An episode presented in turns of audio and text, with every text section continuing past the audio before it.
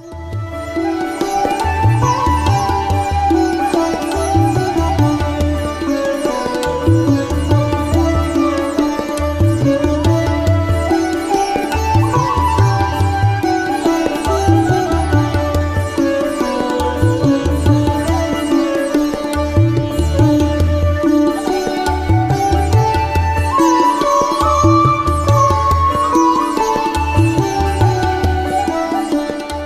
छोरा पाँचवटा मरे एकैचोटि मरे। अब शिर चाहिँ छैन घृण चाहिँ छ। अब म कहाँ जाम भनेर रानी द्रौपदी भएको थियो। त्यसै बेलामा अर्जुनले गएर पाइलो नाप्नुभयो। चक्र नाप्नुभयो पाइलो नाप्नुभयो नापिसकेपछि अनि त्यसपछिबाट पक्का चक्र र पाइलाको प्रभावबाट पहिचान भयो क्या अहिले पनि कतै कसैको घरमा चोरी भयो भनेदेखि पहिला हात नहाल। हामीले अनुसन्धान गरेपछि मात्रै जब चल्लाउ नत्र नचल भन्छन् नि पुलिसहरू। त्यही चक्र हेर्ने र पाइला हेर्ने। यसो छाँडकाँड हेर्ने हो। के गर्ने? पहिल्याउँछ नि पहिल्याउँदैन त्यो त उनीहरूकै कुरा हो हामीलाई थाहा हुँदैन। तर त्यो भनेको छ यस कारणबाट चप्प गएर जब पहिला पाइलो हेर्ने चक्र हेर्ने गर्दाखेरिमा पक्का यो अश्वस्थामाजीको काम हो भनेर अश्वस्थामालाई काड दिन्छु भनेर अर्जुनजी जान लाग्नु भएको थियो। द्रौपदी रानी भन्नुहुन्छ मेरो स्वामी जान हुँदैन। म त मेरा छोरा मरे भनेर रोइरहेको छु। अब त्यो मेरो छोरा मार्नेवालालाई मारिसकेपछि गुरुआमा कति रुनु होला त्यस कारणले जब म त रोएँ रोएँ मेरो गुरुआमालाई किन रुवाउने हो? नरोम भन्नुभयो। हेर्नुहोस् त कस्तो सदाशयता हो। तर त्यो कुरा अर्जुनले आज्ञा गरी बक्स्यो म मारिदिन्छु भन्नुभएको। थियो भगवान् कृष्ण भन्नुहुन्छ महाराज त्यो जब अस्वस्थामा मर्दैन अस्वस्थामा मार्न सक्ने तागतै हुँदैन। त्यो चिरञ्जीवी हो गद्दीवाला राजालाई व्यासमा बसेको पण्डितलाई मार्न हुँदैन। ती दुईटालाई एउटा सजाय छ। के सजाय? चारपाटे मुडिदिइसकेपछि सबभन्दा ठुलो सजाय त्यही हुन्छ। चारपाटे मुडिदियो। भन्नुभयो र अनि त्यसपछिबाट शिरमा रहेको मडी पनि झिकिदिनु भयो। अर्जुन लिएर चारपाटे मोडिदिनु भयो। चारपाटे मोडिसकेपछि महाराज अस्वस्थामाजीको जात गयो अगाडि त चारपाटे मोडिएपछि जात जान्थ्यो नि। अहिले त चारपाटे मोडेपछि जात जान्थ्यो त्यस्तो थियो। जात थियो र पो जाने। अहिले जातै छैन जे जति मोडे पनि जाने। भयो पो जाने। भएको कुरा पो नक्सान हुन्छ भने छँदै छैन जातै छैन कता जाने। अहिलेको संस्कार थियो र पो संस्कार नाश हुन्छ कि भन्ने डर थियो। अहिले आएर संस्कार नै छैन। अनि त कता जाने? जसरी काटे नि हुन्छ। जसरी काटे नि जब जात जाने। त्यो त्यो त्यो परारको खेलाडीले को जस्तो त्यस्तो पनि लिएर हिँडेका छन् कसै कसैलाई टाउका। अलिकति कपाल। त्यो पनि भइरहेछ। यसैले गर्दाखेरिमा अब अस्वस्थामाको शिर काटियो अस्वस्थामाको शिर काटिसकेपछि माने अस्वस्थामाको जब चारपटे मडिसकेपछि अब अस्वस्थामाले के निर्णय गर्यो भनेदेखि अब मलाई ठुलो इज्जत गयो। यसको कुलको नाश गरिदिन्छु भनिकन। अब कुल नाश गर्नका लागि तयारी हुनुभयो। अब कुल नाश गर्नका लागि तयारी भइसकेपछि अन्त त्यो गत्वा अब कुल नाश गर्नका लागि अस्वस्थामा आदि गरिएका माने पञ्चपाण्डवहरू त तिनीहरू बुढा भइहाले। अब यिनीहरूबाट सन्तान पैदा हुँदैन। घटोत्कच मरिहाल्यो बब्रुबान मरिहाल्यो सुरतकीर्ति मरिहाल्यो पाञ्चाल मरिहाल्यो अभिमन्यु मरिहाल्यो। अब अभिमन्युकी पत्नी उत्तरा गर्भावती छ त्यो गर्भमा बाण हान्न पाएको खण्डमा यसको कुलको नाश हुन्छ भनेर हान्यो बाण। अस्वस्थामाले बाण हाने। हान्दै हान्दै हान्दै जाँदाखेरिमा आठ पटकसम्म हाने। तर कृष्णय वासुदेवाय देवकी नन्दनाय च नन्द गोप कुमाराय गोविन्दाय नमो नम। हे कृष्ण हे गोविन्द हे मुरारी मेरो गर्भको रक्षा गराउनुहोस् मेरो बालकको रक्षा गराउनुहोस् मेरो नाति नातिनाको रक्षा गराउनुहोस् प्रभु। भनेर फुपूले बारम्बार अनुरोध गर्दाखेरिमा भगवान् परमात्माले तत्कालै फुपूका रक्षार्थका निमित्त सुदर्शन चक्रको कवच लगाइदिनु भयो आफ्नो भान्जी बुहारीका शरीरमा कवच लगाइदिनु भयो भगवान्ले। कवच भने थाहा चाहिँ छैन? थाहा छ। कवच भनेको दुर्गा कवच भन्छन् नि। कवच अर्गल किलका भन्छ भन्दैन? त्यसको शब्द बोल्नु पर्छ। कवच भनेको कब्जा गर्ने भित्र रक्षा गर्ने। अर्गल भनेको त्यसलाई अझ खोल्न कसैले नसकोस् भएर आउलो लाउने। किलक भनेको किला ठोकेर अझ बन्देज गराउने। यसरी बुझ्नु। कवच अर्गल किलक भने त्यो यस्तो गराइदिनु भयो क्या। कसैले खोल्नै नसक्ने बनाएर पेटमा कसैले हानेको बाण लाग्नै नसक्ने बनाएर राखिदिनु भयो। र अनि त्यसदेखि पछाडिबाट त्यहीँबाट स्वयं भगवान् परब्रह्म परमात्मा परमेश्वरले रक्षा गरेपछि अस्वस्थामालाई लाज भयो। चारबाटे मुडेको जब शरीर लिएर कहाँ हिँड्नु? लाज भयो अस्वस्थामालाई त्यहाँबाट जब अब यो यसको देशमै पानी पिउन्न भनेर हस्तिनापुर छोडेर पन्जाबमा गएछन् र लो बाबु हो सिख सम्प्रदाय भन्ने एउटा खोलौँ र कपाल नकाट्ने दारी नकाट्ने रौँ नकाट्ने शिखा पाल्ने यो सम्प्रदायमा शिर नदेखाउने भएर फेता गुथेर आफ्नो चाहिँ कपाल मडी झिकिया थियो। आफ्नो चाहिँ जब यस किसिमबाट लाज मर्नुको टाउको थियो र गुरुले जे गरे चेलाले त्यही गर्नुपर्ने हुनाको कारणले अहिलेसम्मका जब पन्जाबी सरदारहरू टन टन्ती शिखा सम्प्रदायमा लागेका मान्छेहरू गरिबमा पनि टाउका जब देखाउनु हुँदैन भएर बसिराखेका छन्। उनै अश्वस्थामाले खोलेको सम्प्रदाय हो शिख सम्प्रदाय सवनकादि ऋषेश्वरहरू अँ बाँकी अंश तपाईँ के सुन्न चाहनुहुन्छ भनेर अर्जुनका प्रतिमा बडा प्रेम साथसँग भगवान् कृष्णले रक्षा गर्नुभयो र त्यो अर्जुनकी बुहारी अभिमन्युकी पत्नीको उत्तराको विराट नगरमा जन्मिएकी विराट राजाकी छोरी उत्तराको गर्भको रक्षार्थ भगवान् परमात्माले सुरक्षा पूर्वक आफूले कवच लगाएर सुरक्षा गराइबक्सेको छ भन्ने सम्मको कथा यस अध्यायबाट। यो कुरालाई स्वीकार गर्नुहुन्न थियो। हाम्रो दाजु आश्चर्यको छ हाम्रो दाई। लड्ने हामी भिड्ने हामी सङ्ग्राम गर्ने हामी रथीले जस नपाउने सारथीले जस पाउने यस्तो भएको चाहिँ हाम्रो घर। भन्छन् त्यो अर्जुन र भीमसेन। त्यत्रो लडाइँ भयो हाम्रो। त्यो सारथीले एउटै बाण अहिलेसम्म अर्जुन र कृष्णले हानेको छैन। उहाँको प्रतापले उहाँ नभावे भनेको छ। यस्तो बैगुने भयो हाम्रो दाजु। मेरा भाइले यतिसम्म गरे बाबु राम्रो गर्यो जय होस् बाबा तिमीहरूको बधाई छ तिमीहरूलाई हार्दिकता छ। यति मात्रै नै भन्ने हुन्थ्यो। भन्दैन त्यो। उनी कृष्णले गरे भने त्यो त सारथी नै हो। त्यो ड्राइभरले कति चाहिँ भूमिका निर्वाह गर्यो होला पो भन्छन्। त्यो भीमसेन र अर्जुन। अनि यसपछिबाट भगवान्लाई साह्रै गाह्रो हो। अब यो आफ्नो कुरा आफैले गर्न हुँदै हुँदैन भन्नुभयो सज्जनहरू। आफ्नो कुरा आफूले गर्न हुँदैन। मैले गरेँ म म नभइकन भन्न हुँदैन। यसै कारणले गर्ने गराउने सारा भगवान् म निमित्त हुँ भन्ने कुराको महसुस आफूमा निश्चय हुनु पर्यो। त्यसै कारणले मैले गरे भन्न थाल्यो भने जम्मा दुईजना छन् मूर्ख र महामूर्ख संसारमा। अर्काको निन्दा गर्ने मूर्ख आफ्नो कुरो आफैले व्याख्या गर्ने महामूर्ख भने त्यसै कारणले आफ्नो कुरो आफैले गर्न हुँदैन। आफ्नो बढाइ आफैले गर्नु त कागै नि त्यसै कारणबाट यो महामूर्ख बन्न त कृष्ण भगवान्लाई जब लायक भएन र ल एउटा आज पाँच भाइ पाण्डव अब उत्तरायण सूर्य जाने बेला भयो इच्छा मरणका विश्वपिता म जाने बेला भयो परमधाम ल एउटा जा आफ्नो बाजेलाई जीवे जति भए तापनि गएर उहाँलाई सम्मान गरौँ। भनेर सरसैयामा लिएर जानुभयो। इच्छा मरणका विश्वपितामका चरणमा गएर सरले बिन्ती गरे। पाँच भाइ पाण्डव पाउमा परे। श्रीपट्टि भगवान् कृष्ण बस्नुभयो। प्रभु सवारी भएको राजा युधिष्ठिरले देख्नु माने उहाँले देख्नु भएको थिएन जब राजा विश्व विश्व विश्वपितामहले देख्नुभएको थिएन। अनि गएर पाँचै भाइ पाण्डवले बिन्ती गरे भगवान् हामी ठुलो अपराधी रहेछौँ। हजुरलाई सरसैयामा सुतायौँ गुरुलाई मार्यौँ गुरुपुत्रलाई चारपाटे मुड्यौँ। नाता गोता सारा भान्जा भान्जी भानी भाइ सारा मार्यौँ।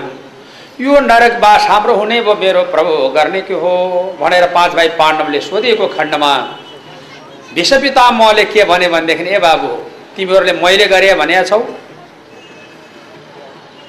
तिमीहरूले गरे होइन नि?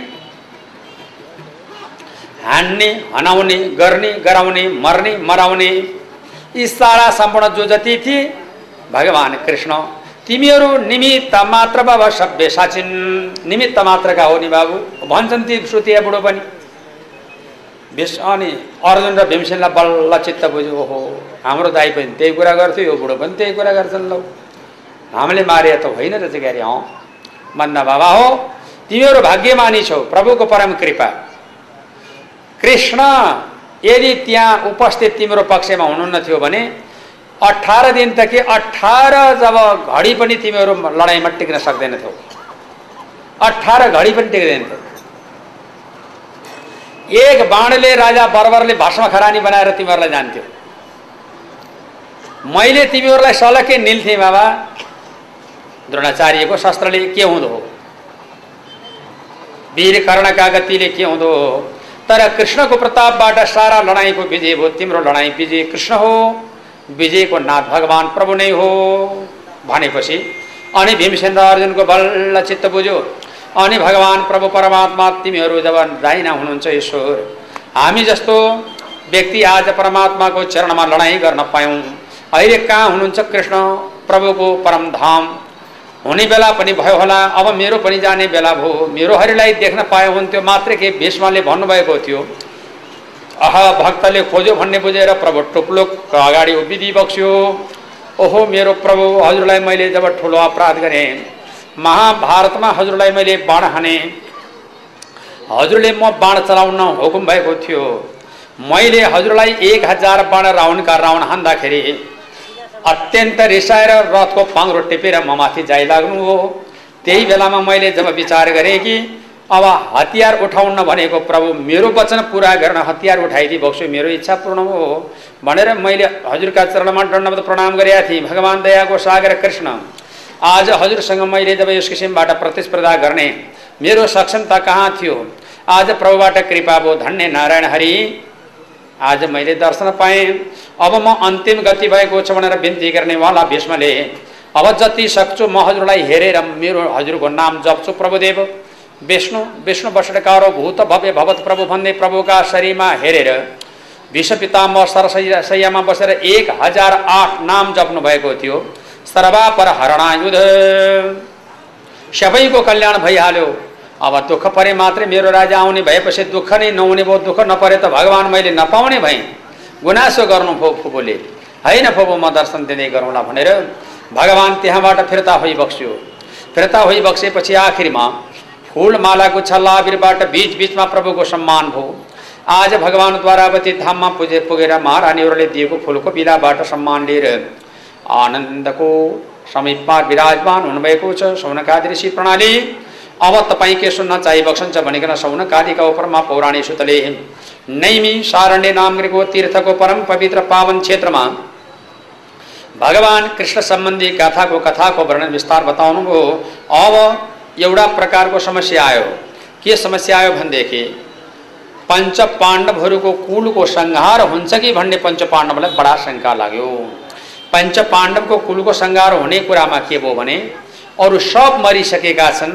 एउटा बाँकी छ गर्भभित्रको बालक अश्वस्थामाको जब बाणबाट आठ पटकसम्म दगल्चिएको त्यो व्यक्ति अब कसरी सुरक्षा राख्ने भन्ने बारेमा सारा रानीहरू र सारा परिवार बडो चिन्तित र दुखित हुनुहुन्छ भन्ने सम्बन्धको कथा यस अध्यायबाट।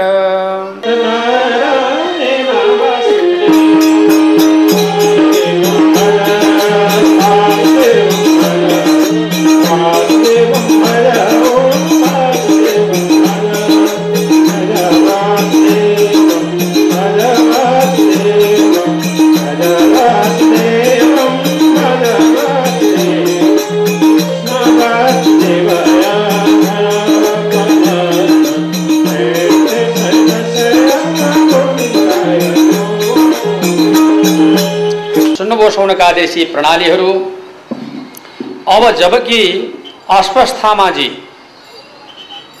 ले हानेको बाणको प्रतापबाट गलित भएकी महारानी जबती जसको नाम भनिन्छ के अरे उत्तरा विराट राजाकी छोरी रोइरहेकी थिइन्। त्यस बाणबाट पीडित भएर जब समस्याको समाधान कसरी होला भनिरहेको बेलामा ठ्याक्क एकपटक उनलाई व्यथा लायो त व्यथा लगाइसकेपछि बालक जन्मियो। त बालक जन्मिँदाखेरिमा त बालक त कस्तो भएर जन्मियो? निस्तेज मृत्युको घडी प्राप्त भयो। र मृत्युको घडी प्राप्त भएको देखिसकेपछि भगवान् कृष्णलाई गुहार मागे प्रभु सवारी हुनुभयो। अस्वस्थाम्नो पसृष्टेन ब्रह्मसृष्टिन तेजसः उत्तराय हत्व गर्भ इसेन जीविता पुनः। अनि भगवान्ले च्याप्प काखमा राखेर आफ्नो भान्जी बुहारीबाट जन्मिएको बालकलाई स्याहार सम्भार साथ काखमा राख्नु भएको थियो। फेरि त्यो बालक जीवितको घडी प्राप्त हुनुको यसैले गर्दाखेरिमा त्यो बालकलाई भगवान् परमात्माले रक्षा गर्नुभयो। ओर पनि रक्षा पर पनि रक्षा गरममा पनि रक्षा भित्र पनि रक्षा बाहिर पनि रक्षा रक्षै रक्षाबाट सुरक्षित प्राप्त भएको हुनाको बालकको नाम नै परीक्षित भन्ने नाम राखियो। परीक्षित महाराज हुनुभयो। अनि यिनीलाई जब सारा ज्योतिषहरूले हेराए यिनको कस्तो छ भावी प्रोग्राम भन्नुहोस् भन्दाखेरि भावी प्रोग्राम सारा भन्दी यिनले यज्ञ गर्छन् बडा अच्छा किसिमको यज्ञ तिनवटा। त्यति मात्रै होइन यिनको पुरुषार्थको वर्णन बयान गरी साध्य छैन। रन्तिदेव राजा जस्तो यिनी दानी हुन्छन् ज्ञानीमा महाराज प्रहलाद जस्तो हुन्छन् जब भक्तिमा उद्धव जस्तो हुन्छन् नीतिमा विदुर जस्तो हुन्छन् दानमा रन्तिदेव जस्तो राजा हुन्छन् पुरुषार्थमा बाजे अर्जुन जस्तो हुन्छन् बलमा भीमसिन जस्तो हुन्छन् नीतिसङ्गत र न्यायोचित काममा तपाईँ जस्तै योदेश जस्तै हुन्छन् यिनी। तर महाराज मानमा दुर्योधन राजा जस्तो हुन्छन्। तर जतिसुकै जे भए तापनि यिनको परम आयु चाहिँ साठी वर्ष तोकिएको छ। साठी वर्षमा मर्छन्। कसरी मर्छ त मर्ने बेलामा? भनेर युधिष्ठिरले सोध्नुभएको थियो। सर्पले टोकेर मार्छ भनिदिनु भयो त्यस्ता ज्योतिष ती आइका र पो हेराउनु जाने। अनि पो हेराइ कोराइ गर्नुहुन्थ्यो। त्यस्तो ज्योतिष। र यस कारणबाट जब अहिले ज्योतिषहरू काम सकिएपछि मैले त भने थिएँ भन्छन् पहिले भनिदिए पो। यसमा पहिले भन्न सकिनेले भन्नु पऱ्यो। होइन? त्यसै कारणबाट ज्योतिष शास्त्र जस्तो जब गम्भीर भरपर्दो शास्त्र कुनै छैन तर प्रयोग गर्न जानिएन हामीले। र त्यसै सा प्रभावबाट त्यो कुरा अझ पहिचान छैनौँ हामी अल्पज्ञ छौँ यसको कमी कमजोरी यही हो। र त्यस कारणले सारा कुरा वैद्यज्ञहरू ज्योतिषहरूले बताइसकेपछि अनि ल अब त्यो भएन। अब के उपाय गर्ने? अब के उपाय गर्ने? भनेर सोधिएको खण्डमा अब उपाय केही छैन।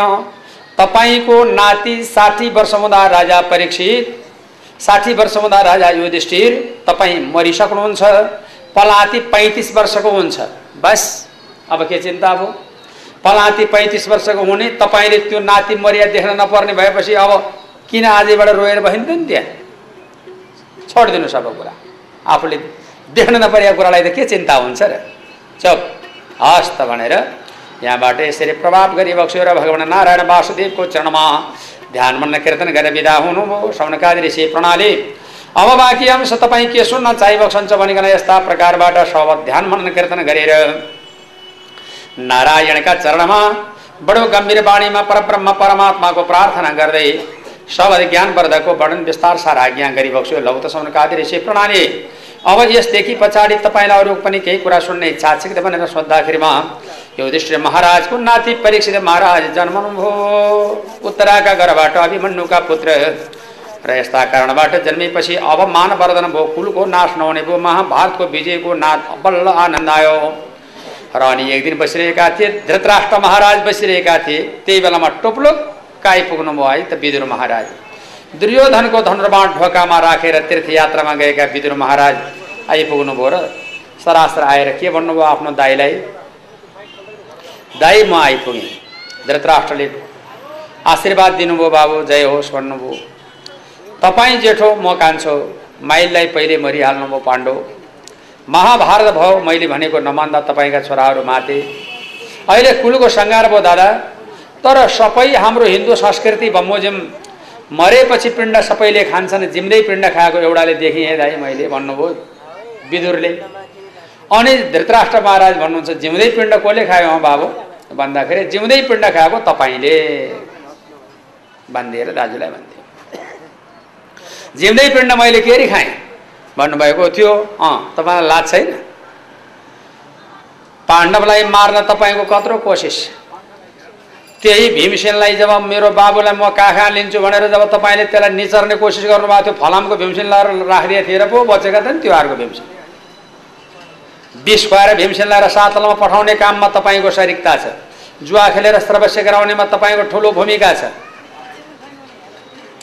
तर तपाईँका सय भाइ छोरा यिनीले मारे सयौडी बुहारी विधवा यिनीले बनाए ज्वाइँलाई मारेर जब जब छोरी दुसलालाई विधवा यिनीले बनाए साला सम्बन्धित व्यक्ति सारा मारेर तपाईँ अहिले फेरि जब ती सम्पूर्ण छोरा मार्ने सबैको सर्वस्व खानेवाला ती पञ्च पाण्डवले दिएको नुन पानी खाना भात खाएको कि पानी खाएको कि पिण्ड खाएको कि जल खाएको कि के खाएको?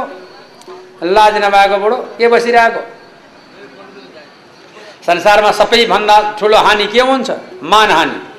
मानहानि भएपछि कोही टिक्न मिल्दैन। सबै हानि रहन सक्छ मानहानि रहन सक्दैन। चल।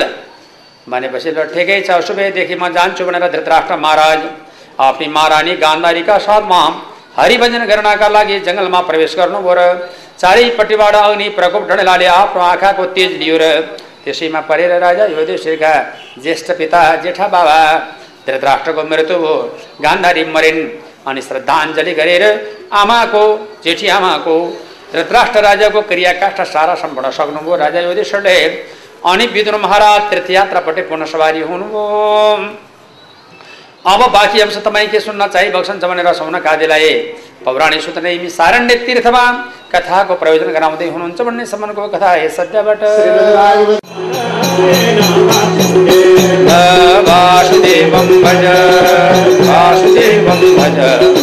वासुदेवं भज, ओ वासुदेवं भज भज वासुदेवं।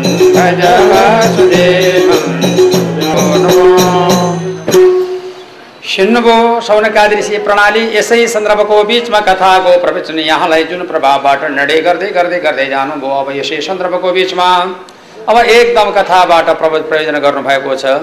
अब सबभन्दा यहाँहरूले सोच्नुपर्ने प्रकारको कुरो भगवान् परमात्मा कृष्णलाई दर्शन भेटको निमित्त जानुभएको पुर्याउन जानुभएको अर्जुनजी फिर्ता हुनुभएको छैन। अर्जुन नआएको खण्डमा अत्यन्त दुखेसो व्यक्त गरेर राजा यो दृष्टि रुन लाग्नुभयो हरेक प्रकारको हाहाकार पर्यो हुकार पर्यो चितकार पर्यो जनजीवन अस्तव्यस्त भयो जुरे गुरु डुग्रे झैँ बाछा बाछी डुग्रन लाग्यो। माता पिताहरू रुन लागे गाईहरू ठाडो मुन्टो लगाएर गुवा गुवा आँसुको धारा चुहाएर रुन लाग्यो।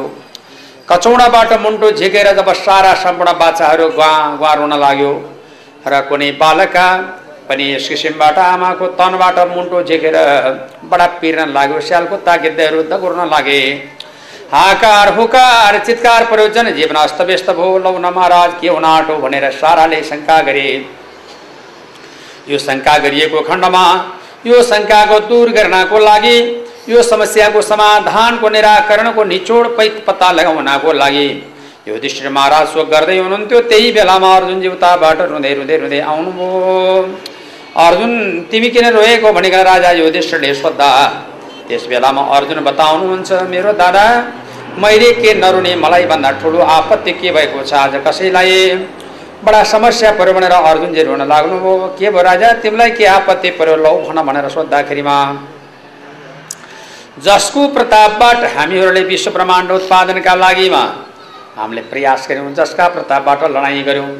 जसको प्रतापबाट हामीहरू सङ्ग्राम भूमिमा लड्यौँ। जसका प्रतापबाट हामीले ठुलो प्रकारको लाभान्वित पूर्ण गऱ्यौँ आज त्यस्तो प्रकारको भगवान् जगतका नारायण अब हामीसँग रहनु भएन। किनभनेदेखि हेर्नु जुगोको वनमेत दुरन्त कृक्षद दुर्भाष स्वरिथिवित यता व्यग्र भूय साकर्ण सिस्टम भोज यो तत्र लोक्यम त्रेस्ता व्यवस्था ममदे विरमङ्गसँग जसका प्रतापबाट सकल कामना सिद्ध भएको थियो।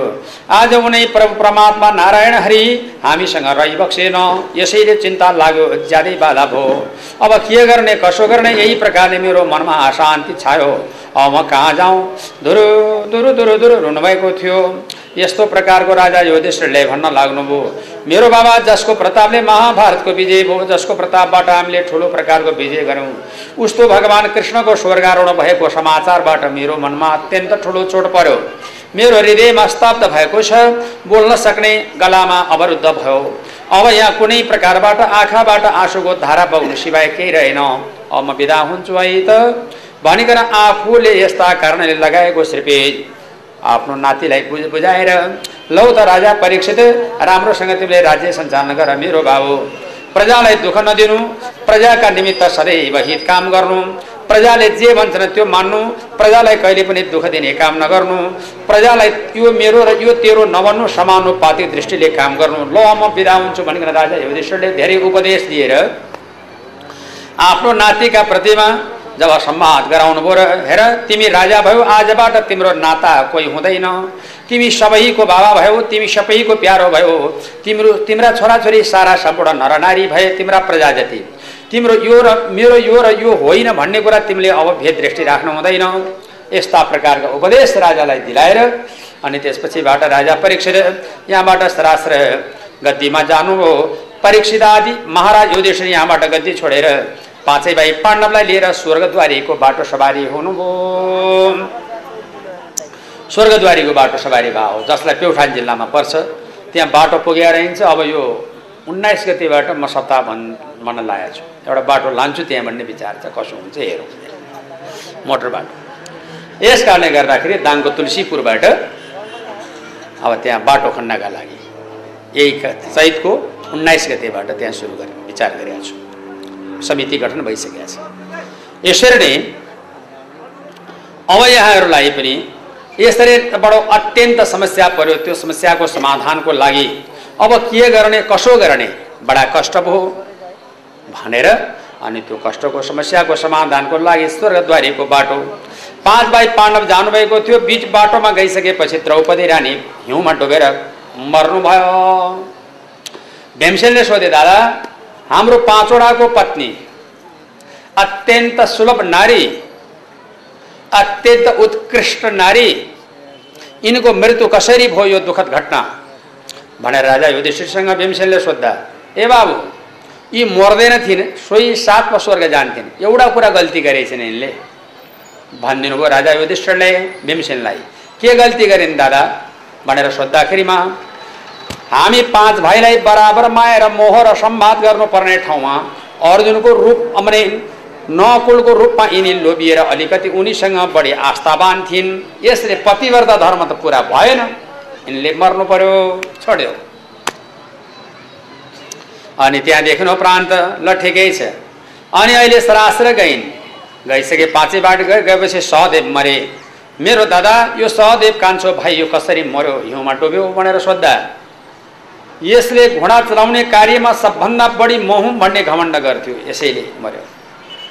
अल्ली पर गएपछि नहकुल मरे बिमात्रीपट्टिको जेठो हामीपट्टिको काइलो यो सुन्दर पुरुष कसरी मर्यो दादा? भनेर सोद्धाखेरिमा यसमा डक्टरी लाइनमा वैदाङ्ग शास्त्रमा सबभन्दा मोहुम भन्ने घमण्ड थियो यसको। यसैले मर्यो। अल्ली पर गएपछि वीर अर्जुनै ढले। दादा जसको प्रतापले महाभारतको विजयको नाद भयो महापुरुषको आज कसरी मृत्यु भयो? आज्ञा हुनुहोस् मेरो दाई भनेर सोद्धाखेरिमा यो सबै कुरा ठिक थियो बोल्थ्यो पुर्याउँदैन थियो। कुरो यही हो यसको गल्ती। बोलेर नपुर्याउने। अल्लीखेरमा भीमसेन आफू नै ढले दाई मेरो पनि मर्ने बेला भयो। मैले के अपराध गरेका थिएँ? भनेर सोद्धा यो उद्देश्य भन्नुहुन्छ। मेरो बाबु धर्मका मूल दया हो है पापका मूल हो अभिमान। तिमीमा अभिमान थियो। यो अभिमानको कारणले मर्यौ यसै कारणबाट चारवटा भाइ र रानी द्रौपदीलाई बिहा बसान भएको कुरालाई कति चिन्ता नलिई धर्मराज कुकुरले दिएको साथलाई साथमा कुकुर लिएर राजा युधिष्ठिर परमधाम सवारी स्वर्ग सवारी हुनुभयो। अनि राजा युधिष्ठिरको जय मनाए सबैले अनि राजा युधिष्ठिरको सम्मान गारतले स्वागत सम्मान पनि गर्यो। अब तपाईँ के सुन्नुहुन्छ? भनेर सोद्धाखेरिमा युधिष्ठिर महाराज यसरी स्वर्गारोहण भएपछि युधिष्ठिर राजाको जब कार्यकालको हस्तिनापुरको गति अहिले उहाँले सम्हाल्नुभयो जसको नाम थियो परीक्षित। अहिले परीक्षित नाम गरिएको राजा सारा सम्पूर्ण लोकलाई हित र अत्यन्त उत्तम कदमको प्रयोजन गर्दै राष्ट्रको उन्नति र वैभवका निमित्त परीक्षित महाराज दिग्विजय गर्दै हिँड्दै हुनुहुन्छ भन्ने सम्मको कथा यस अध्यायबाट।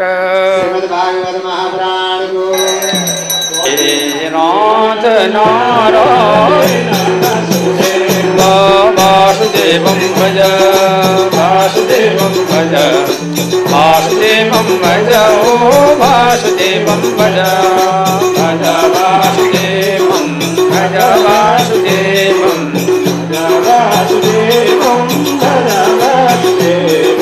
कृष्णाय वासुदेवाय हरय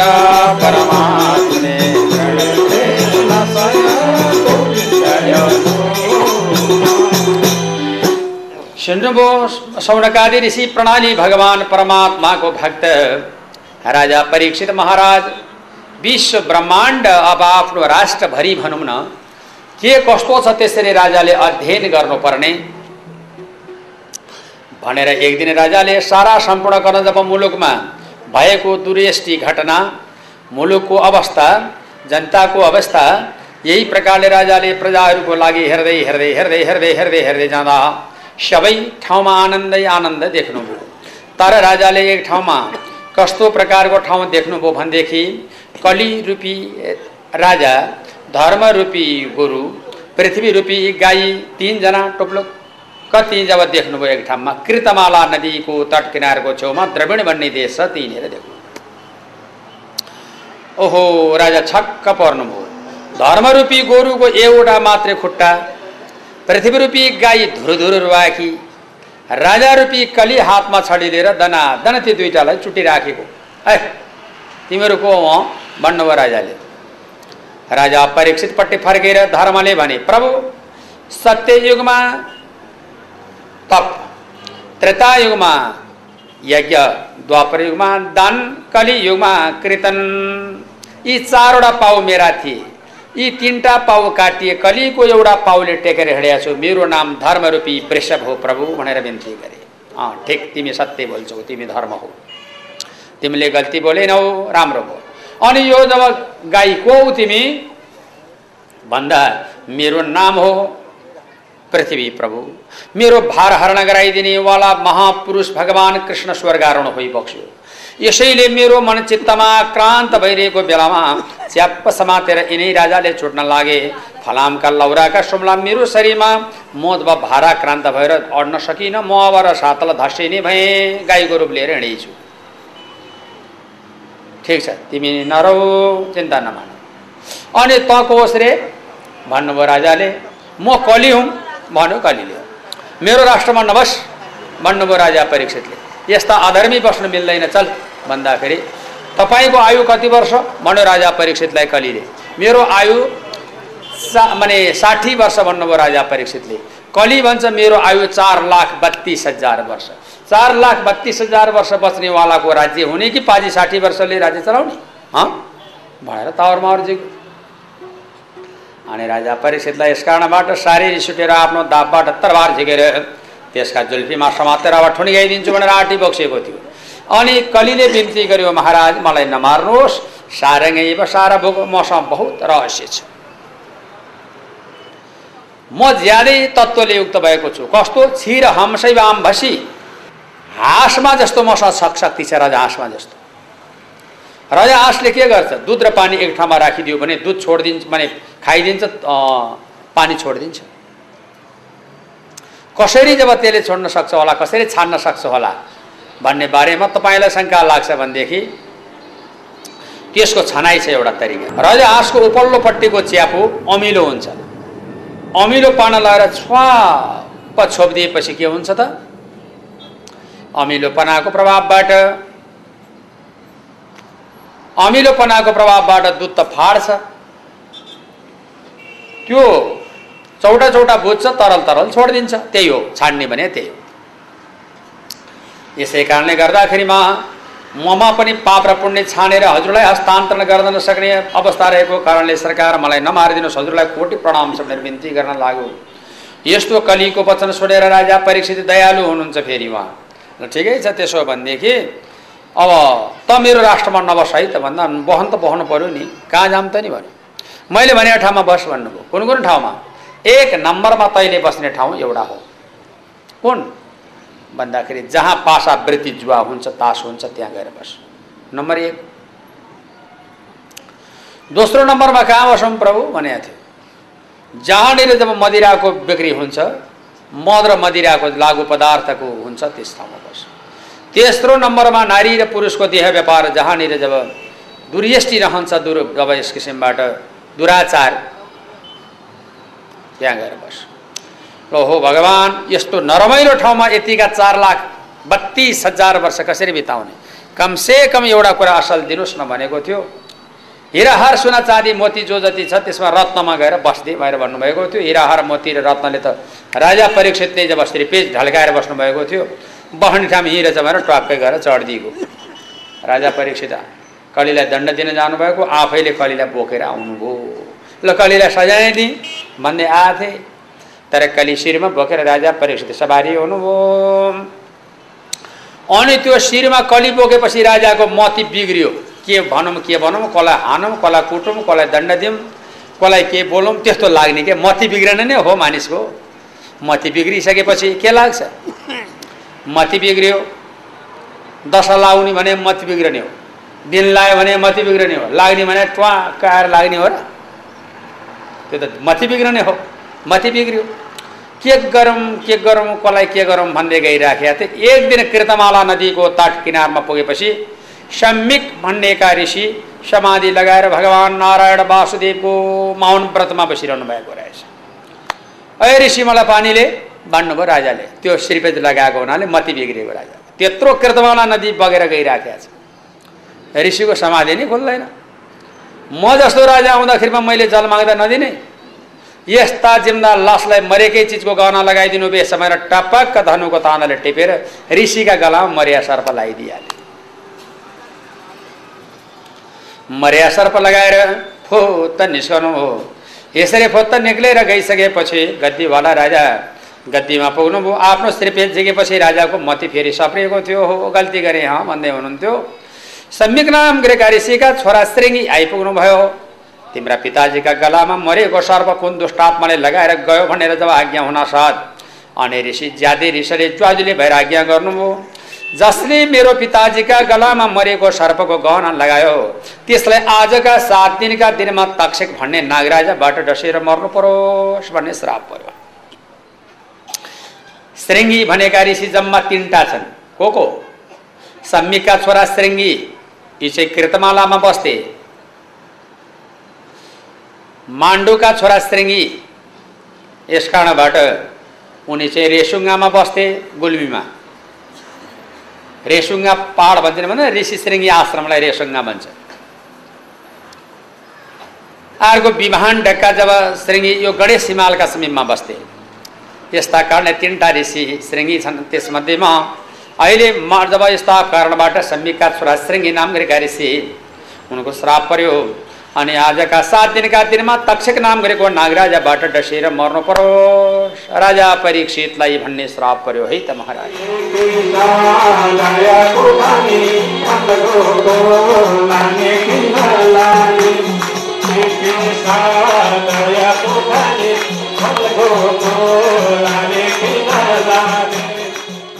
अनि सम्यक नाम गरेको ऋषिको समाधि खुल्यो छोरो उहाँ उहाँ रोइरहेछ आफू अगाडि। बाबु किन रोएको तिमी बा?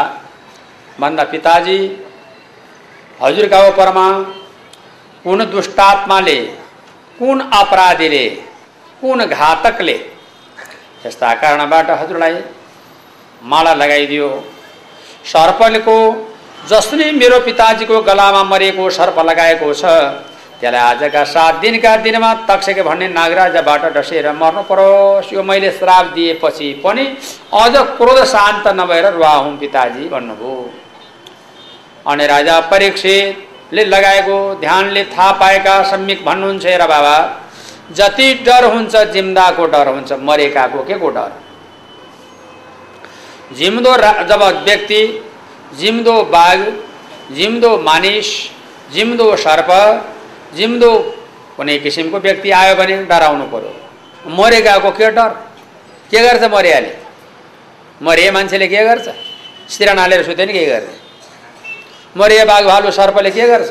मरिया चिज लगाइदियो उसले के गल्ती गर्यो? बा छोडिदियो यस्तो कुरा मैन भन्दा होइन बुवा मैले त श्राप दिइसकेँ नि। भने सम्मिका छोरा श्रेणी। कसलाई? भन्दा हजुरलाई गलामा सर्पको माला लगाउनेवालालाई आजका सात दिनका दिनमा तक्षक भन्ने नागराजाबाट डसेर मर्नु परोस् भन्ने श्राप दिइरहेको छ ए गल्ती भयो। भारी गल्ती। गद्दीवाला राजालाई मार्न हुँदैन व्यासमा बसेको पण्डित मार्न हुँदैन सुत्केरी भएर बसेकी कुना भित्रकी नारी मार्न हुँदैन। अर्थात् क्रियापुत्रमा जब बसेको जब त्यो अनुष्ठान हो त्यो त्यो त्यो क्रियापुत्र मार्न हुँदैन संवेदनशील हुन्छ त्यो। अनि बाँधिएकी गाई गौशालामा मारिनु हुँदैन। यति मार्यो भने त पञ्चोग्र पापम छलफतमा कारण भने छ पाँचवटा पाप भने यही नै हो। यो त मिल्दैन नि। त्यत्रो जब राजालाई गल्ती गद् गद्दीमा श्राप दिएर मृत्यु गराउने भएछौ यो त ठुलो पाप हो बाबु। तिमीले पनि प्रायश्चित गर्नै पर्यो। राजा परीक्षित त तिमीले दिएको श्रापले मर्ने भए सात दिनको दिनमा मृत्यु नै हुन्छ तर सात दिनको दिनमा मर्न लाए राजालाई सर्पले टोकेर मरेको मान्छे भिरबाट लडेर मरेको मान्छे दुर्घटना निम्ति आएर मरेको मानिस जो छ त्यो चाहिँ नरकमा जाने हुने हुनाको कारणले त्यस्ता मानवहरूले दुर्गतिबाट सद्गति जानका लागि प्रयत्न गरिदिउन् भन्नुभयो। भगवान् मैले के गर्ने होला? भन्दा तिमी केही गर्न सक्दैनौ? अहिले सरास जाऊ सम्यक नाम गरेका ऋषिका छोरा श्रेङ्गीलाई भन्नुहुन्छ सम्यक बाबु मलाई त जब राजासँग कुनै दुःख बनाउँछ छैन उनले गला मलाई सर सर्पको माला लगाए तापनि मेरो संयमता साथ उनलाई मैले धरी धन्यवाद दिन्छु किनभनेदेखि उनलाई कली पसेको कारणले उनले जब मलाई प्रहारी गर्नु पर्थ्यो खड्गाघात तर त्यो जब उनले त्यति मात्र नगरेर सर्पको माला मात्रै लगाइदिए उनको मती बिग्रिएको कलीको कारण हो राजा। त्यति बाङ्गो होइनन्। जाऊ। सात दिनको दिनमा तक्षक नाम गरेको नागराजाले डसेर मरेपछि तिमी अगतिमा जान्छौ सद्गति जाने उपाय सोचरे भनेर भन्दैौ नत्र राजा अगतिमा जालान्। अगतिमा पर्व राम्रो कुरा होइन भनेर आज्ञा गरिबक्सेपछि अनि उनका चेलाहरू सारा गएर महाराज परीक्षित अब तपाईँले महाराज सम्यक नाम गरेका ऋषिका गलामा सर्पको माला लगाउनु भएछ। आजका सात दिनका दिनमा तपाईँलाई तक्षक भन्ने नागराजाबाट डसेर मार्ने भयो। तपाईँको मृत्यु हुने भयो महाराज। अब के गर्नुहुन्छ भन्दाखेरिमा मानिसलाई सबभन्दा डर के हुन्छ? मर्न हो कि होइन? त्यहाँभन्दा डर के हुन्छ मानिसलाई? मर्नेका लागि डर हो। रुगा लाए पनि खोकी लाए पनि ज्वरो आए पनि शरीरमा कफ पित्त ज्वरो वायु जे भए तापनि मरिन्छ कि भनेर डराएर नै औषधि गर्नुपर्ने हो। मर्नभन्दा डर कसलाई छ कसलाई? मर्न पाए नि हुन्थ्यो भन्छ नि कहिले कहिले। त्यो त ख्याल ख्याल भने पो मर्न पाए नि हुन्थ्यो। मलाई कहाँ गयो होला नि? काल पनि भन्छन् कहिले कहिले। त्यो त बार्गेनिङ गरे पो त आफूले भनेको कुरा ढोट्याएर लिनलाई। मर्न कसलाई रहर लाग्यो? नि मलाई कहाँ गयो होला काल ल के को यसै कारणबाट नडराउ र भन्दा पहिला कुरा के विचार गर्नु भनेदेखि भनेर राजा परीक्षितका उपरमा सुखदेव स्वामीले बताउनु भयो गम्भीर हुनु ध्यान गर्नु मनन गर्नु कीर्तन गर्नु कहिल्यै नछुट्नु ईश्वर प्रतिको श्रद्धा र सद्भाव यो जब गम्भीर रूपमा लिएर जानु भगवान्का भक्तिमा चित्त लगाउनु यही मूल सिद्धान्तको कुरो हो राजा परीक्षित सात दिनका दिनमा जब मर्ने अगतिमा पर्ने नरेको बासो नाटो कसो गर्ने भनेर सोद्धाखेरिमा सात दिनका दिनमा मर्ने भन्दा कसलाई डर नलाग्ने राजा परीक्षित ज्यादा हातिनु पऱ्यो र आफ्ना जन्मेजय भन्ने छोरालाई राजगद्दी सारा सम्पा गरेर लौ त मेरो बाबु जन्मेजय चार भाइ छौ राम्रोसँग तिमी राजा हो। अब भाइले दाजुलाई सघाऊ दाजुले भाइलाई माया गर। एक अनुन्य आश्रित भएर प्रजाको पोषण गर्नु। म बिदा हुन्छु भनिकन। राजा परीक्षित आफ्नै महारानी बपुष्टमा तिमी पनि बसिरहौ मेरो प्यारे। अब तिमीसँग मेरो विदाई हुन आँटो भनिकन राजा परीक्षित सात दिनको दिनमा मर्ने अगतिमा पर्ने भन्ने डरको प्रभावले नदी भागरथी नदीका किनारमा भागरथी गङ्गाका किनारमा गएर चौसठी हातको यस्तै मण्डप र पण्डाल कसेर भगवान नारायण वासुदेवको अन्तिम चरणको भजनको लागि तत्पर भइसक्नुभयो भन्ने सम्मको कथा हे सत्यबाट।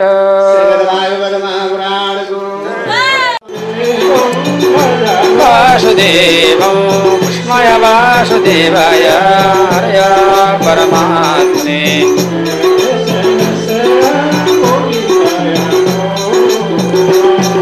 सिंहमो शौनकादृशी प्रणाली अवयो श्रीमद भागवत महापुराणान्तर्गत। कति कथाको वर्णन विस्तार गरिन्छ भने सङ्कितमान महाराज परीक्षितलाई भने सौनकादिलाई पौराणिक सुतले आज्ञा गरी बक्स्यो अब सम्झनुहोस् यसरी कथाको विषय। अब के माने मान्डे गर्नुहोस् भनेदेखि राजा परीक्षित नामको महाराजलाई सात दिनको दिनमा तक्षक भन्ने नागराजाबाट डसिएर मर्नुपर्ने ब्रह्मश्राप राजालाई पर्यो। राजा चिन्ताले आकुल व्याकुल हुनुभयो मर्न डर सबैलाई लाग्ने। हाकार युक्त जीवनमा ठुलो घाटाको महसुस भयो राजालाई जीवन अत्यन्त कमज़ोर हुने गयो राजाको भगवत भक्तिमा चित्त परमात्माको प्रार्थना और मनन भजन कीर्तन राजाले गर्दै गर्दै गर्दै जानुभयो अब त्यसमा सारा ऋषि महर्षि देवर्षि राजर्षिहरू सवारी हुनुभयो राजालाई सात दिनको दिनमा मार्ने रे तक्षकले। डसेर मर्ने भनेपछि अब कसलाई म डर नलाग्ने मर्नलाई। यहाँ त ख्याल ख्याल भने पो त मर्न पाएन हुन्थ्यो। भगवान् मलाई काल कहाँ गयो? त्यसै। बुहारीलाई घुर्किएका र त्यसै कारणले अब त किन मर्ने त्यसै? यो प्रकारबाट त्यसरी हुन सक्दैन राजा सात दिनका दिनमा मर्ने आगतिमा पर्ने बडो समस्या पर्यो राजालाई कहीँबाट राजाले उपाय हुन सकेन मेरो भगवान्। म म कहाँ जाने हो? दोरो दोरो दोरो राजा कन भएको छ। यस कारणबाट यस्ता प्रकारबाट राजालाई चारैपट्टिबाट सैनिकले बेरेको छ। लो राजा मर्ने रे भन्ने कुरा बुझिसकेपछि सैनिकका बिचमा राजा बस्नुहुन्छ सारालाई भन्नुहुन्छ जब सैनिक पनि हट प्रजा पनि हट। अब मेरो सारा सम्पूर्ण मर्ने दिन आयो। अब मलाई चाहियो ज्ञानीजनहरूको आवश्यकता। अनि ज्ञानी को को आउनुभयो भनेदेखि राजा परिषदलाई जब हेर्नका निमित्त सात दिनका दिनमा राजा तक्षक नाम गरेको नागराजा डसेर मर्ने रे नाग राजाबाट डसेर मर्ने रे भन्ने बुझेर सारा आउनुभयो कुन कुन आउनुभयो भनेदेखि अब यस्ता प्रकारबाट राजाका दरबारमा अत्रि वशिष्ठ चेवन गालव कर्त विश्वामित्र पराश र छाया सुख जाजलले यस्ता ऋषिहरू सारा सवारी हुनुभयो राजाको अगाडि सम्पूर्ण जनहरूका यस्ता प्रभावबाट जम्मा भएर अब यस प्रकारले बडो गम्भीर बाणीमा प्रश्न गर्न लाग्नुभयो भगवान्। अब तपाईँको मृत्यु हुन आँट्यो राजा भन्दा हो प्रभु म मर्न आँटेँ। सात दिनका दिनमा मेरो मृत्यु नै हुने हो। कहीँबाट मेरो उपाय छैन अब बच्ने उपाय केही छैन। कहाँबाट मेरो रक्षा होला? कसरी मलाई रक्षा गरिदिए बक्सन्छ लौन आज्ञा गरी बक्सनु पऱ्यो भनेर राजा परीक्षित ज्यादै आतिएर अत्यन्त गम्भीर बाणीमा चिन्ताले आकुल र व्याकुल भइकन प्रश्न गर्न लाग्नुभयो। हे मेरो हरि हे मेरो मुरारी हे मेरो जगतका नारायण हजुरलाई बारम्बार मेरो कोटे कोटे कोटे प्रणाम छ।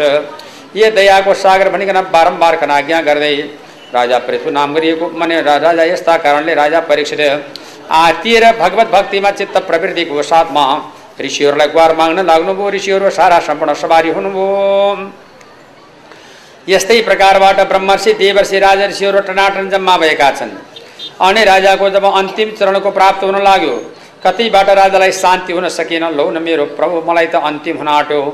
भृगु वशिष्ठ चेपन गालव कर्तु विश्वामित्र पराश र छाया सुग जाजरी मुख्य मुख्य अन्य छ ब्रह्मर्षि देवर्षि राजर्षि अन्य ब्रह्मर्षि देवर्षि राजर्षि सारा सम्पूर्ण जम्मा भए भगवान्का चरणमा ध्यान मनन कीर्तन गर्दै यस प्रभावबाट आज्ञा गरिबक्छु लौ न ईश्वर मेरो ओपरमा क्षमा राखी बक्सोस् भनेर बिन्ती गर्दा। कसैले केही बताउन सकेका थिएन। काल ब्याल मुखाग्रास त्रासाम निर्णाम सहित काल रूपी अजिङ्गरको गाँसमा म म परेको छु मेरो उद्धार गर्ने के उपाय हो भनेर सोद्धाखेरिमा सरकार धन्दा मान्नु हुँदैन। यसमा शोक रूपी सागरमा तपाईँ पर्नु हुँदैन। यसमा तपाईँले शोक गरेर कुनै कार्य बन्न सक्दैन। मर्ने त अवश्य मेवा नै हो। यसमा रोएर कुनै कार्य बन्नेवाला छ र यसमा सबभन्दा ठुलो कुरा शक्तिलाई परिणत गराउनु पर्ने हुन्छ। शोकलाई शक्तिमा परिणत गराउनु पर्ने हुन्छ। भोट नरुनुहोस् भनेर सारा सम्पूर्णका अगाडि आज्ञा गरिबक्सेपछि अब मिथ्या अपवादमा म फस्न आँटेँ मेरो समस्याको समाधान कसरी हुन सक्ला भनिकन बिन्ती गर्दा अब एउटा कुरा छ महाराज। तपाईँले सबै कुरा छोडेर आशा सङ्ग्रहलाई छोडेर चित्त अधीनमा राख्नुहोस् भन्न लागे ऋषिहरूले। अब त्यो पनि राखौँला। मैले अन्तिममा भन्ने कुरा के हो भन्न लाग्नुभयो राजा परीक्षितले कर्म गर भन्छन् कोही भक्ति गर भन्छन् कोही ज्ञानका कुरा जान भन्छन् कोही। अब अन्तिम बेला अब केही जान्दिनँ के जान्ने अब कसले सिकाइदिन्छ र जान्ने। त्यसै बेलामा सुखदेव स्वामी राजा परीक्षितलाई सात दिनका दिनमा तक्षक भन्ने नागराजाबाट डसेर मार्चरी भन्ने सुनिसकेपछि सुखदेव सवारी हुनुभयो। किन त बन्धु चिर्ने विपत्तिमा पत्नी चिर्ने धनधान सकिँदा मित्रै चिर्ने अति दुःख पर्दा। भनेको छ राजा परीक्षितलाई बन्धुको नाता लगाउनु भयो सुखदेव स्वामी लिएर मन्द्राचल पहाडबाट झर्नुभयो भागवतको पुस्तक लिएर। बन्धु चिर्ने विपत्तिमा कसरी बन्धु परे तिनी?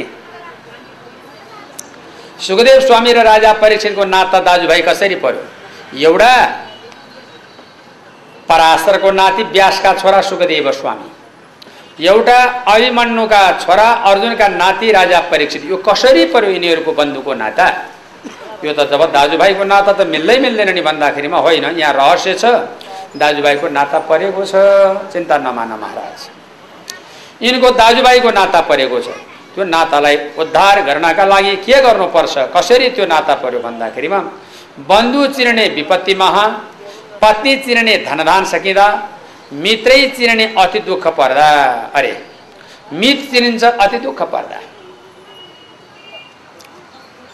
श्रीमती चिनिन्छ अरे पैसा सकिए बेला र धन धन नभए बेलामा माया गर्ने श्रीमती त्यो सच्चा श्रीमती। आफ्नो आय आयस्ता नभएको बेला पनि मेरो स्वामी भनेर माया गरेर सम्मान गर्छिन् भने त्यो श्रीमती साँच्चीकी श्रीमती।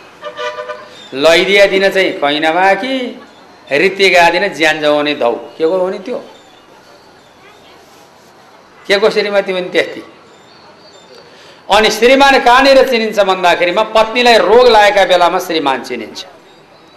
आफूलाई रोग लागेका बेला पनि त्यो श्रीमानले मेरो कल्याणी तिमीलाई बाधा पर्यो मेरो म यहाँ आऊ मैले के उपचार गरौँ?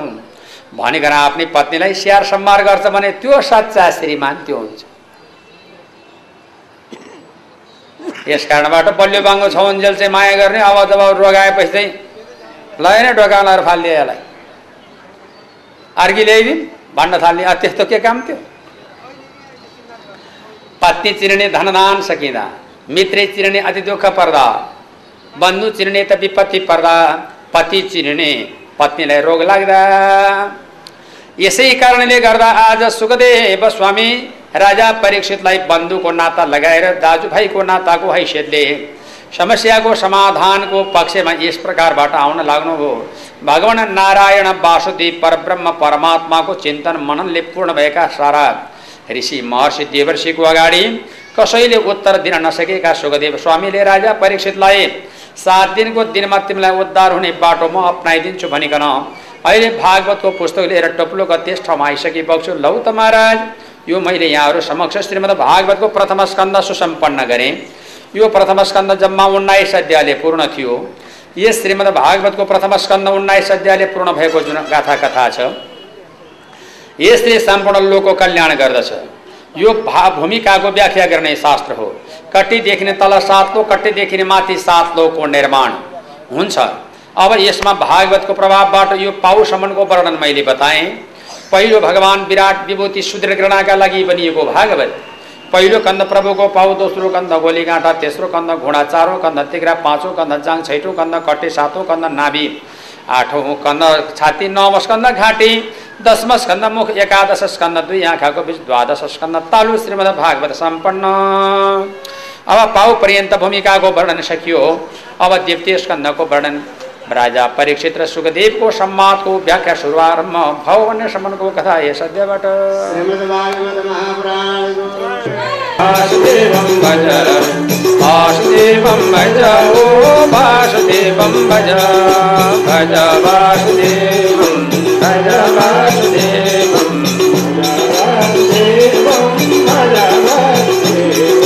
कृष्णाय वासुदेवाय हरय परमात्मने प्रणतक्लेशनाशाय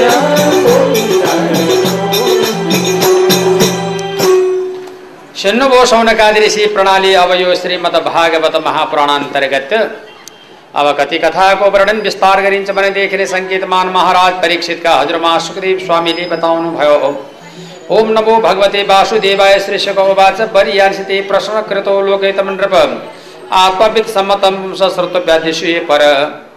अब यहाँलाई जुन कथाले मैले पूर्ण रूपमा यथार्थ व्याख्या गरिरहेको छु त्यो सुन्नु सरकार।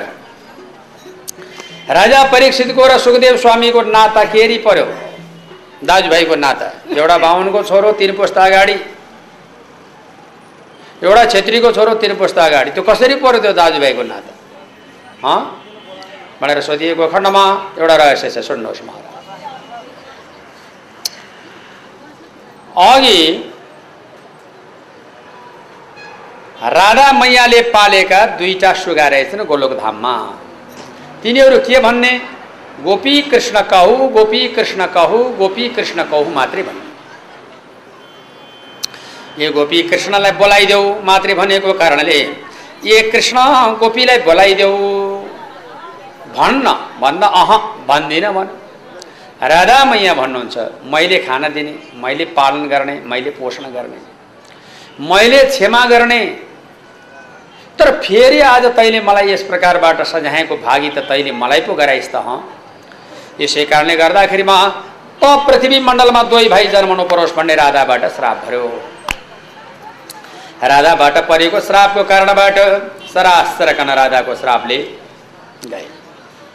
अनि त्यसपछिबाट अब कहाँ जाउँ कसो गरौँ बडा सङ्कट पऱ्यो राधाको श्राप लाग्यो। र दुईवटा वृक्ष सुगाहरू वृक्षमा गएर बारम्बार रोइरहेका थिए। त्यही बेलामा पार्वती मैयाले आफ्ना स्वामी शिवजीसँग सोध्नुभयो हेर पार्वती मैया तिमी के सुन्न चाहन्छौ भन्दा प्रभु अरू कुरा मलाई सारा पुरा छ। म माथि हजुरको दयाभाव छ भनेदेखि एउटा कुरा बिन्ती गरौँ भने के कुरा? भनेर सोधिएको खण्डमा अरू कुरा केही होइन मेरो भगवान् यदि म माथि कल्याण हुन्छ भने म माथि हजुरको सद्भाव रहन्छ भनेदेखि एउटा कुरा पाम भनेर बिन्ती गरेन। के कुरा? रानी भनेर सोधिबक्सेको थियो। अरू कुरा केही पनि होइन। तिमीलाई म एउटा उपदेश गर्छु सुन न भन्नुभयो। के कुरा प्रभु भनेर सोद्धाखेरिमा मलाई ज्ञान पाम भनेको तिमीले एकान्त जग्गामा लिनुपर्छ ज्ञान बुझ्यौ। एकान्त जग्गामा हिँड। एकान्त जग्गामा जाम। तिमीलाई म कथा भन्छु। तिमी मैले जब भनेको कथालाई सुनिरहौ। हस् हो हो हजुर हजुर भन। नबुझेको कुरा यो बुझिन स्वामी भन है? भन्नुभएको थियो हस् हुन्छ। फेरि जब मैले भनेको कथामा सही थाप्दै जाऊ नि है? हस् हस् हजुर हजुर। हो बुझी बुझी भन्दै जाऊ नि भन्दाखेरिमा हस्। भन्दै गएथिन् अनि कथा यस्ता कारणबाट सारा सम्पूर्ण वर्णन विस्तार भयो। सुन्दै सुन्दै सुन्दै सुन्दै भन्दै भन्दै भन्दै जाँदाखेरिमा सारा कथा सकिन लागेको थियो पार्वती त निधाइजने त्यही बेलामा भुसुक्कै। पार्वती निधाउनु भएछ। अनि पार्वती निधाएका बेलामा शिवजीले आज्ञा गरी बक्सु कथा सक्नुभयो बुझौ त पार्वती भन्दा पार्वती त लम्पट लगाएर बसिरहेको थियो। गएर झुलिरहेको तँलाई पदमास तँलाई कहाँ कि? त निधाएका बेलामा सही थाप्नेवाला को? भन्दा आफू त भुसमाडी भयो। कसले थाप्यो कसले थाप्यो मलाई के थाहा? तँलाई बेमानी। र चाहिँ सुनिचस् बेसरी। गति लिइरहेछ सब।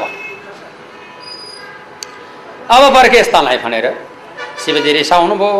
अनि यो सही थाप्नेवाला को हो भनेर यसो ध्यान दृष्टि लगाएर नजर गर्दा त भर्खर फुलबाट फुटेका बच्राहरू सुगाका बच्रा ए त्यो सुगा पर्खेस्त भएर सुगालाई झम्डनु भएर शिवजीले पिनाक धनु छोडिदिनु भएको थियो। शिवजीका पिनाक धनुका प्रभावले जेठो सुगा पूर्ण ब्रह्म ज्ञान भएको कारणले घृताची नाम गरेकी अप्सराले ऋतुको प्रसङ्ग चलाइरहेको बेलामा झ्वाप अग्निकुण्डमा हाम फालेर प्रवेश गर्यो तीबाट एकदम सुकेको काठमा ब्रिय पतन भएको थियो व्यासको तीबाट सुखदेव स्वामी भन्ने अयो निज छोरो भएर जन्मियो जेठो सुगा पूर्ण ब्रह्म ज्ञान भएको कारणले कान्छो सुगा पूर्ण ब्रह्म ज्ञान नभएको कारणले उत्तराको घरबाट अभिमन्युका पुत्रका रूपमा प्रकट भएर परीक्षित भन्ने नाम रह्यो यो मेरो अघिल्लो जन्मको दाजु हो भन्ने। परीक्षितलाई थाहा थिएन। यो अघिल्लो जन्मको मेरो भाइ हो भन्ने। राजा सुखदेव स्वामीलाई चाहिँ थाहा थियो। यसै कारणले बन्धुको रक्षा गर्नको लागि सुखदेव स्वामी सवारी हुनुभयो। कुरा यही हो है त। यही कारणले गर्दाखेरिमा महाराज परीक्षित अब सात दिनका दिनमा मर्ने। अगतिमा पर्ने यो अगतिबाट सद्गति जानका लागि मैले के गर्नु? पर्ला प्रभु लौन आज्ञा गरी बक्साउनु पर्यो।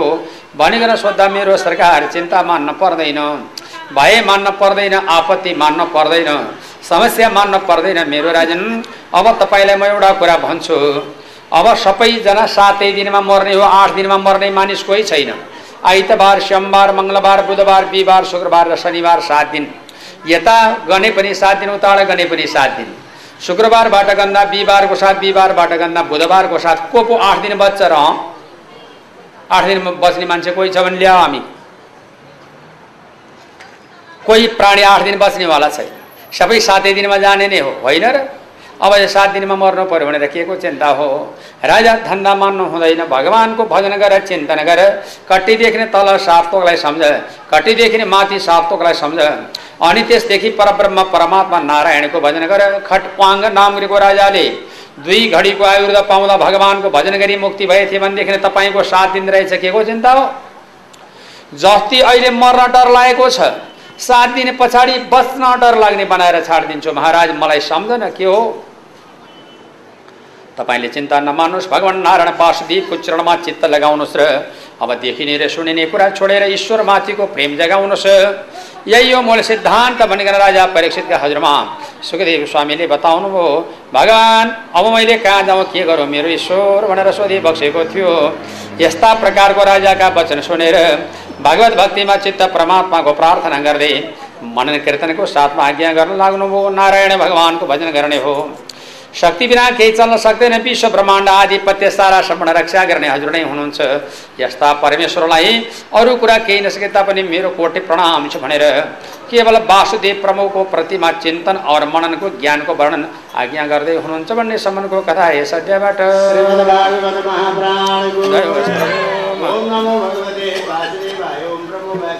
वासुदेवं भज। ॐ वासुदेवं भज भज वासुदेवम्